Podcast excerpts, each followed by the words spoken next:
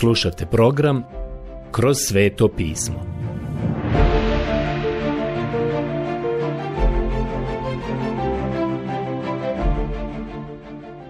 Knjiga Izlazak. Odlomak Izlazak poglavlje 28. Sada kada danas dolazimo do 28. poglavlja knjige Izlaska, čini se da ovdje imamo odstupanje od instrukcija dati za šator sastanka ali zapravo nije to u pitanju. Već smo mnogo toga vidjeli i rekli o šatoru sastanka i dani su nam detalji. I vidjeli smo da u svemu, u svakoj niti platna, u svakoj boji i u svakoj uzici i konopcu postoji značenje i da sve upućuje na Krista, na njegovu osobu i njegovo djelo. Sada dolazimo do onih koji će služiti u šatoru sastanka. Biće to leviti. Aronova porodica će služiti kao sveštenici, a sam Aron bit će veliki, veliki sveštenik. On će morati imati posebnu odjeću za služenje i sva ta odjeća također govori o Kristu. Ovdje su nam dane instrukcije i za tu odjeću. Ta odjeća nam ukazuje na sljedeće. Krist je naš veliki sveštenik. Ja ne znam išta drugo što tako dobro i slikovito ilustruje kako Krist danas zadovoljava naše potrebe na tako divan način. Počinjem čitati od prvog stiha u 28. poglavlju knjige Izlaska i moram priznati da veliki dio ovih instrukcija nije neko uzbudljivo štivo.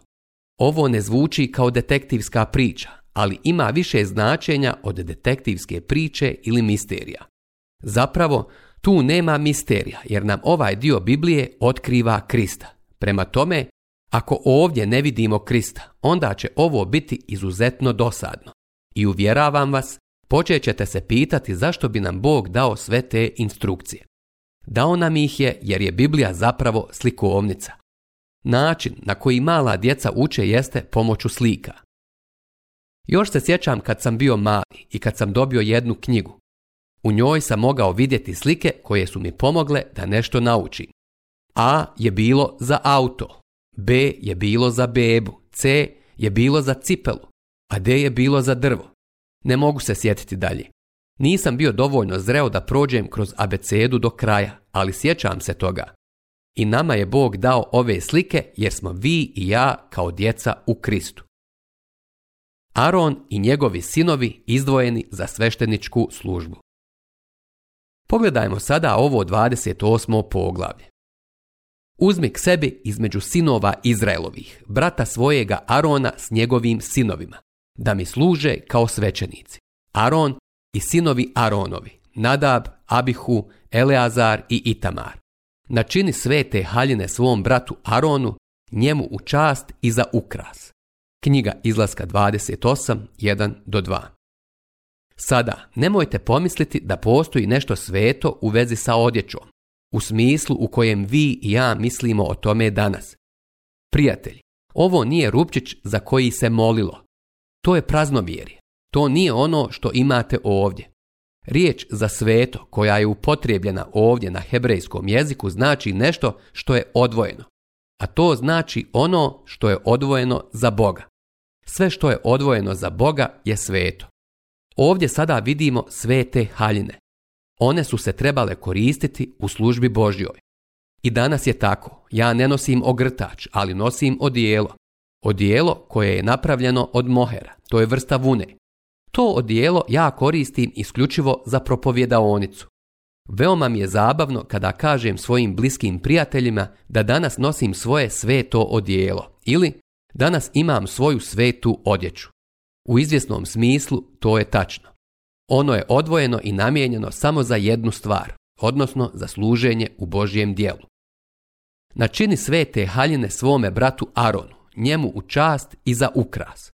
Zapazite da su te haljine napravljene za slavu Božju i za ukras. Ovo mi se dopada, prijatelji. Stvari ne moraju biti ružne samo zbog toga što su u službi za Boga. Meni se lično ne dopada to što danas svijet i tijelo i džavo moraju dobiti sve što je lijepo, uključujući lijepu ženu, lijepe boje, lijepe zgrade. Zašto Bog ne može dobiti ljepotu? On je onaj koji je stvorio ljepotu. Ukoliko mislite da Boga ne zanimaju boje, molim vas onda pogledajte u naokolo. Pogledajte zalazak sunca ili lišće u jesen. Ili izađite i pogledajte nebo čak i tokom oluje. O, Bog je kreativan kada su u pitanju boje i ljepota. Postoji ljepota. Tako su i ove haljine sačinjene da budu lijepe, za ukras. Govori sa svim vještim ljudima koje sam napunio umjetničkim duhom. Neka načine Aronu haljine, da se može posvetiti i da mi služi kao svećenik. Knjiga izlaska 28.3 Aron sada treba biti izdvojen za službu velikog svećenika a ovdje su navedeni dijelovi njegove haljine. Pročitat ćemo sada četvrti stih. Ovo su haljine što će ih načiniti. Prvo, naprsnik. Drugo, oplečak. Treće, plašt. Četvrto, košulja od kanine. Peto, kapa. I šesto, pojas. Neka dakle načine sve te haljine tvojemu bratu Aronu i njegovim sinovima, da mi služe kao svećenici. Knjiga izlaska 28.4 Evo šest dijelova odjeće koji će se koristiti u službi Božjoj. Sve te stvari će nositi Aron, a potom će se naravno proslijediti onima koji će ga naslijediti na toj dužnosti. Pročitat ćemo sada peti stih. I neka zato uzmu zlata, modrog i crvenog skrleta, tamno crvenog prediva i lana. Knjiga izlaska 28.5 Odjevni predmeti trebaju biti izrađeni od najboljih materijala, od najfinijih materijala. Instrukcije za oplečak Trebaju donijeti sve ovo, ono najbolje, da naprave odjeću za ovog čovjeka, Arona, velikog sveštenika. Sada prvi je oplečak. Oplečak neka načine od zlata, modrog i crvenog skrleta, tamno crvenog prediva i uzvedenoga lana s umjetničkim vezivom. Neka ima dva plečna komada što se mogu sklopiti. Na oba njegova kraja neka se skupe zajedno. Tkanica koja je na njemu neka se s njom priveže. Neka mu je jednakog rada i od jednoga komada s njim, od zlata, modrog i crvenog skrleta, tamno crvenog prediva i lana. Uzmi onda dva oniksa kamena i ureži u njih imena sinova Izraelovih. Šest imena na jedan kamen i ostalih šest imena na drugi kamen, po redu kojim su bili rođeni. Knjiga izlaska 28.6 do 10. Aron je ispod imao lanenu odjeću kao i ostali svećenici. Zatim je preko toga imao ovaj oplečak. Ja ne znam kako da opišem ove odjevne predmete, osim da kažem da biste zato morali uzeti jedan veliki dugački komad platna i onda tačno u njegovom središtu napraviti veliku rupu za glavu, a zatim biste to platno kroz taj otvor stavili na glavu i prebacili pola naprijed, a pola straga. Zatim biste ga skupili na sredini nekim pojasom. I to je otprilike to. Jedino što to nije bilo baš tako napravljeno. Dva komada su bila spojena pomoću dva kamena na vrhu, jedan na jednom ramenu, a drugi na drugom. I šest imena sinova Izraelovih bilo je na jednom kamenu od oniksa, a šest imena na drugom kamenu. Drugim riječima, kada bi veliki sveštenik otišao u prisutnost Božju, nosio je djecu Izraelovu na svojim ramenima. Ovo govori o snazi velikog sveštenika, koji govori o moći, i mi danas imamo velikog sveštenika. Rečeno nam je sljedeće. Zato i može uvijek spašavati one koji po njemu dolaze k Bogu, jer svakda živi da ih zagovara. Kao što vidite, Isus je u stanju spasiti. On ima snagu i moć. Pogledajte poslanicu Hebrejima 7.25. I sjećate se usporedbe koju je Isus ispričao o ovčici koja se izgubila a pastir je izašao i pronašao je. Šta je onda on učinio? Stavio ju je na svoja ramena i tako i mene on danas nosi, prijatelj. I mene tako danas nosi tamo. Ja se s vremena na vrijeme povučem i sklonim sa strane. Ali on je tu da mene i svakog od nas vrati na svoja ramena i da nas nosi. Kako je ovo lijepa slika? Lijep primjer. Ne mogu više ići u druge detalje koji se nalaze zapisani ovdje. Naprsnik Zatim, preko toga je bio naprsnik, oklop za prsa. Najbolji način na koji to mogu opisati jeste da je to bio prsluk koji se nalazio preko i koji je bio veoma lijep. Zapazite sljedeće, pročitat ću sada stih 15. Onda napravi naprsnik Božijih presuda. Zanimljiv je taj naprsnik Božijih presuda. Zašto je to naprsnik ili oklop presuda? Prijatelji, pa zbog toga što je grijeh osuđen i mi danas kao vjernici trebamo oklop pravednosti. Vidite, to pokriva naše vitalne dijelove i to je jedini način na koji možemo stajati u Božjoj prisutnosti. To znači da su naši grijesi osuđeni. Kristova pravednost je predana nama pa se to naziva naprsnik Božjih presuda umjetničkim radom. Dakle, nakon izrade oplečka trebalo je izraditi naprsnik. Onda napravi naprsnik Božjih presuda umjetničkim radom. Načini ga kao oplečak od zlata, modrog i crvenog skrleta, tamno crvenog prediva i lana. Knjiga izlaska 28.15 To je na neki način bio dio oplečka, Oplečak i naprsnik su išli zajedno. To je bila stvar ljepote. Ovo je stvarno bilo nešto prekrasno. Neka bude četvrtast, podvostručen, pedalj dug i širok. Sada zapravo prelazimo na pojedinosti o tome i sada samo želim navesti ovaj određeni dio ovdje. Udari po njemu drago kamenje u četiri reda uokolo. U prvom redu neka bude karneol, topaz i smaragd u drugom redu rubin, safir i dijamant, u trećem redu hijacint, ahat i ametist, u četvrtom redu krizolit, oniks kamen i jaspis. Neka se umetnu okovani u zlato. Knjiga izlaska 28, do 20. Prijatelji, ovo je bila prelijepa stvar. Ovo kamenje se nalazilo na prsima velikog sveštenika i bilo ih je 12, a bili su postavljeni u tri reda po četiri kamena. Ukupno 12 kamenova. Rečeno nam je da će na svakom kamenu biti po jedno ime sinova Izraelovih. Dvanaestorica njih prema njihovim imenima, kao urezano na pečatu. Bila je to zaista predivna stvar.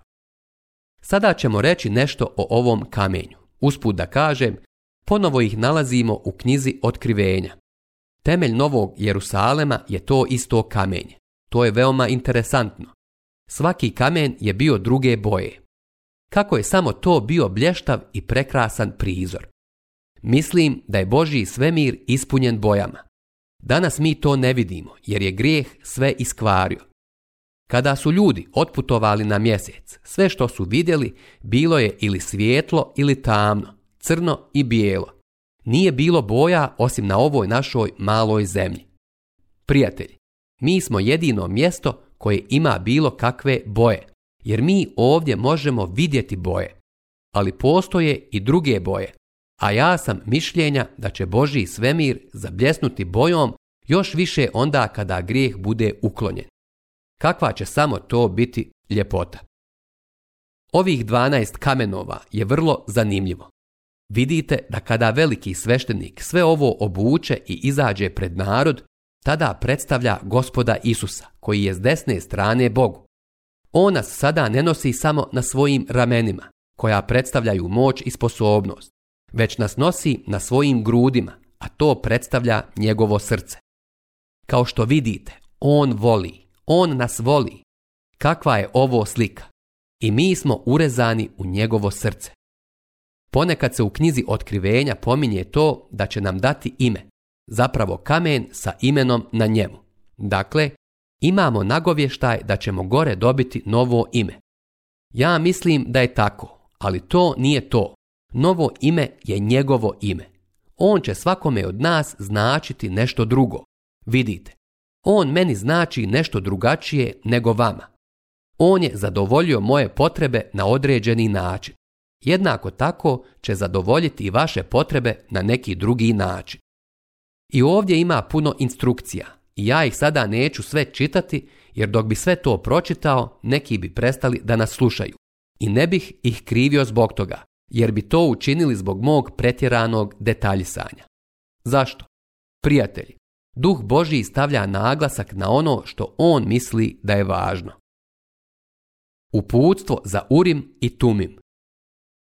Sada dolazimo do 30. stiha. U naprsnik Božijih presuda stavi Urim i Tumim, da počivaju na Aronovu srcu, kad god stupi pred gospodina. Tako neka Aron neprestano nosi pred gospodinom na svom srcu Božije presude za sinove Izraelove. Knjiga izlaska 28.30 Ne želim da ovo bilo kome kažete. Ovo samo vama govorim i volio bih da ostane između nas, kao najčuvanija tajna. Ja ne znam šta su urim i tumim. Pročitao sam dijela, pretpostavljam nekih 25 različitih autora koji su pisali o ovome. I imam za vas informaciju. Ni oni ne znaju. Vrlo je zanimljivo da je to imalo veze sa određivanjem Božje volje. Samo kako je to funkcionisalo, to ne znam. Zapravo, postoje neki koji su mislili da su u pitanju bile kockice. Ne mislim tako ali mislim da je to bilo nešto što je određivalo Božju volju. Razlog zašto nam je to danas nejasno jeste zbog toga što, kao što i vi dobro znate, kada bi nam to bilo jasnije, onda bismo imali i zloupotrebu toga. Možda ovo ne bih trebao reći, ali ću ipak reći. Vjerovatno bi tada neki ludak zloupotrebljavao Urim i Tumim i on bi vam mogao reći sve odgovore. Imamo puno njih koji vam mogu reći odgovore, čak i kada nemaju urim i tumim. Pa zato smatram da je dobro što ne znamo puno o ovome. Ne znamo šta je zapravo to. I ja želim da to sada ostavim upravo ovdje. Instrukcije za ogrtač oplečka. Ovdje sada imamo instrukcije koje su dane za ogrtač oplečka. I evo ovdje nečega što je prekrasno. Pročitat ćemo sada 33. stih. Odozdo na njegovu rubu napravi šipke od modrog i crvenog skrleta i tamno crvenog prediva oko ruba i među njima uokolo zlatne zvončiće, tako da se oko ruba plašta zlatni zvončići izmjenjuju sa šipcima. Knjiga izlaska 28, do 34. Prva propovijed koju sam kao pastor održao je bila u Kaliforniji. Govorio sam tada o zlatnim zvonima i naru. Rekao sam tada ljudima da ne znam šta je to nar, a oni ga uzgajaju ovdje u Južnoj Kaliforniji. Kada sam to izjavio, do 9 sati te večeri, imao sam gomile i gomile nara na svom stražnjem trijemu. Sada znam šta je to nar. Nar govori o plodu, a zvono govori o svjedoku. Trebali bismo imati oboje u našim životima. Treba postojati svjedočanstvo i mora biti ploda u našim životima. Prijatelji, ne biste trebali davati traktate osim ako ne živite ono što piše u njima. Danas ima previše ljudi koji žele svjedočiti, a nemaju život kojim to mogu da potkrijepe. A danas ima jako malo onih koji imaju ispravan život, ali ne svjedoče. Trebali bismo imati i zvono i nar. Volio bih da sada mogu više govoriti o tome, ali nemamo vremena. Sveta kruna i druga odjeća. Ovdje se spominje i sveta kruna i to je ono što je nosio veliki sveštenik. Pročitat ćemo sada 36. stih. Onda načini pločicu od čistog zlata i na nju ureži kako se urezuje pismo u pečat ove riječi. Posvećeno gospodinu. Čvrst je za vrpcu od modrog skrleta da se može nositi na kapi neka stoji sprijeda na kapi i neka bude na Aronovu čelu. Da Aron uzme na sebe pogreške što ih počine sinovi Izraelovi kod prinosa svih svojih svetih darova. Neka bude neprestano na njegovu čelu, da ih tako učini milima pred gospodinom. Knjiga izlaska 28, 36 do 38. U pitanju je mitra koju je Aron nosio. Dakako, to nam govori o tome da je taj čovjek izdvojen za Boga. Danas bismo trebali imati kacigu spasenja. Ta perjanica bi trebala biti naša na kacigi spasenja. To je naše svjedočanstvo. Zatim se ovdje govori o njegovoj uobičajenoj odjeći. Napravi košulju od lana i načini kapu od lana i načini pojas umjetnički vezen. Za sinove Aronove napravi košulje i načini im pojasove i visoke kape u čast i za ukras pa tim odjeni svog brata Arona i njegove sinove i pomaži ih, stavi ih u njihovu službu i posveti ih, da mi služe kao svećenici. Načini im lanene haljine, da pokriju golo tijelo i neka dosežu od bedara do nogu. Aron i njegovi sinovi neka ih nose kad god ulaze u šator svjedočanstva ili pristupaju k žrtveniku da obave službu u svetištu, da ne naprte krivnju na sebe i ne umru ta uredba ima za njega i njegove potomke vječnu valjanost. Knjiga izlaska 28, 39 do 43. Bog nije želio nikakvo prikazivanje tijela. Nije želio bilo kakvu golotinju oko službe Božje. I mi bismo danas to trebali imati na umu. Ali ovdje to predstavlja bilo koje dijelo tijela. Aron i oni koji su bili sa njim, svi su bili jednako odjeveni osim što je Aron bio drugačije odjeven u posebnim prilikama. U redu, ovo nas dovodi do kraja 28. poglavlja. Sljedeći put nastavljamo sa 29. poglavljem. Do tada, dragi moji, neka vas Bog obilno blagoslovi.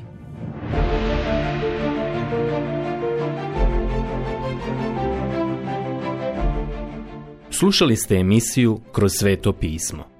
Možete nas slušati i na našem YouTube kanalu putem mobilne aplikacije, te na svim glavnim podcast platformama kao što su Google, Apple i Spotify. Ako vam se naši programi dopadaju, preporučite ih i podijelite s drugima. Budite slobodni da ostavite svoj komentar ili nam pišite na našu e-mail adresu kroz svetopismo.bih at gmail.com Zapratite našu stranicu kroz sveto pismo BiH na Facebooku i na Instagramu. Emisije iz ove serije možete pronaći na našoj stranici ttb.tw.org.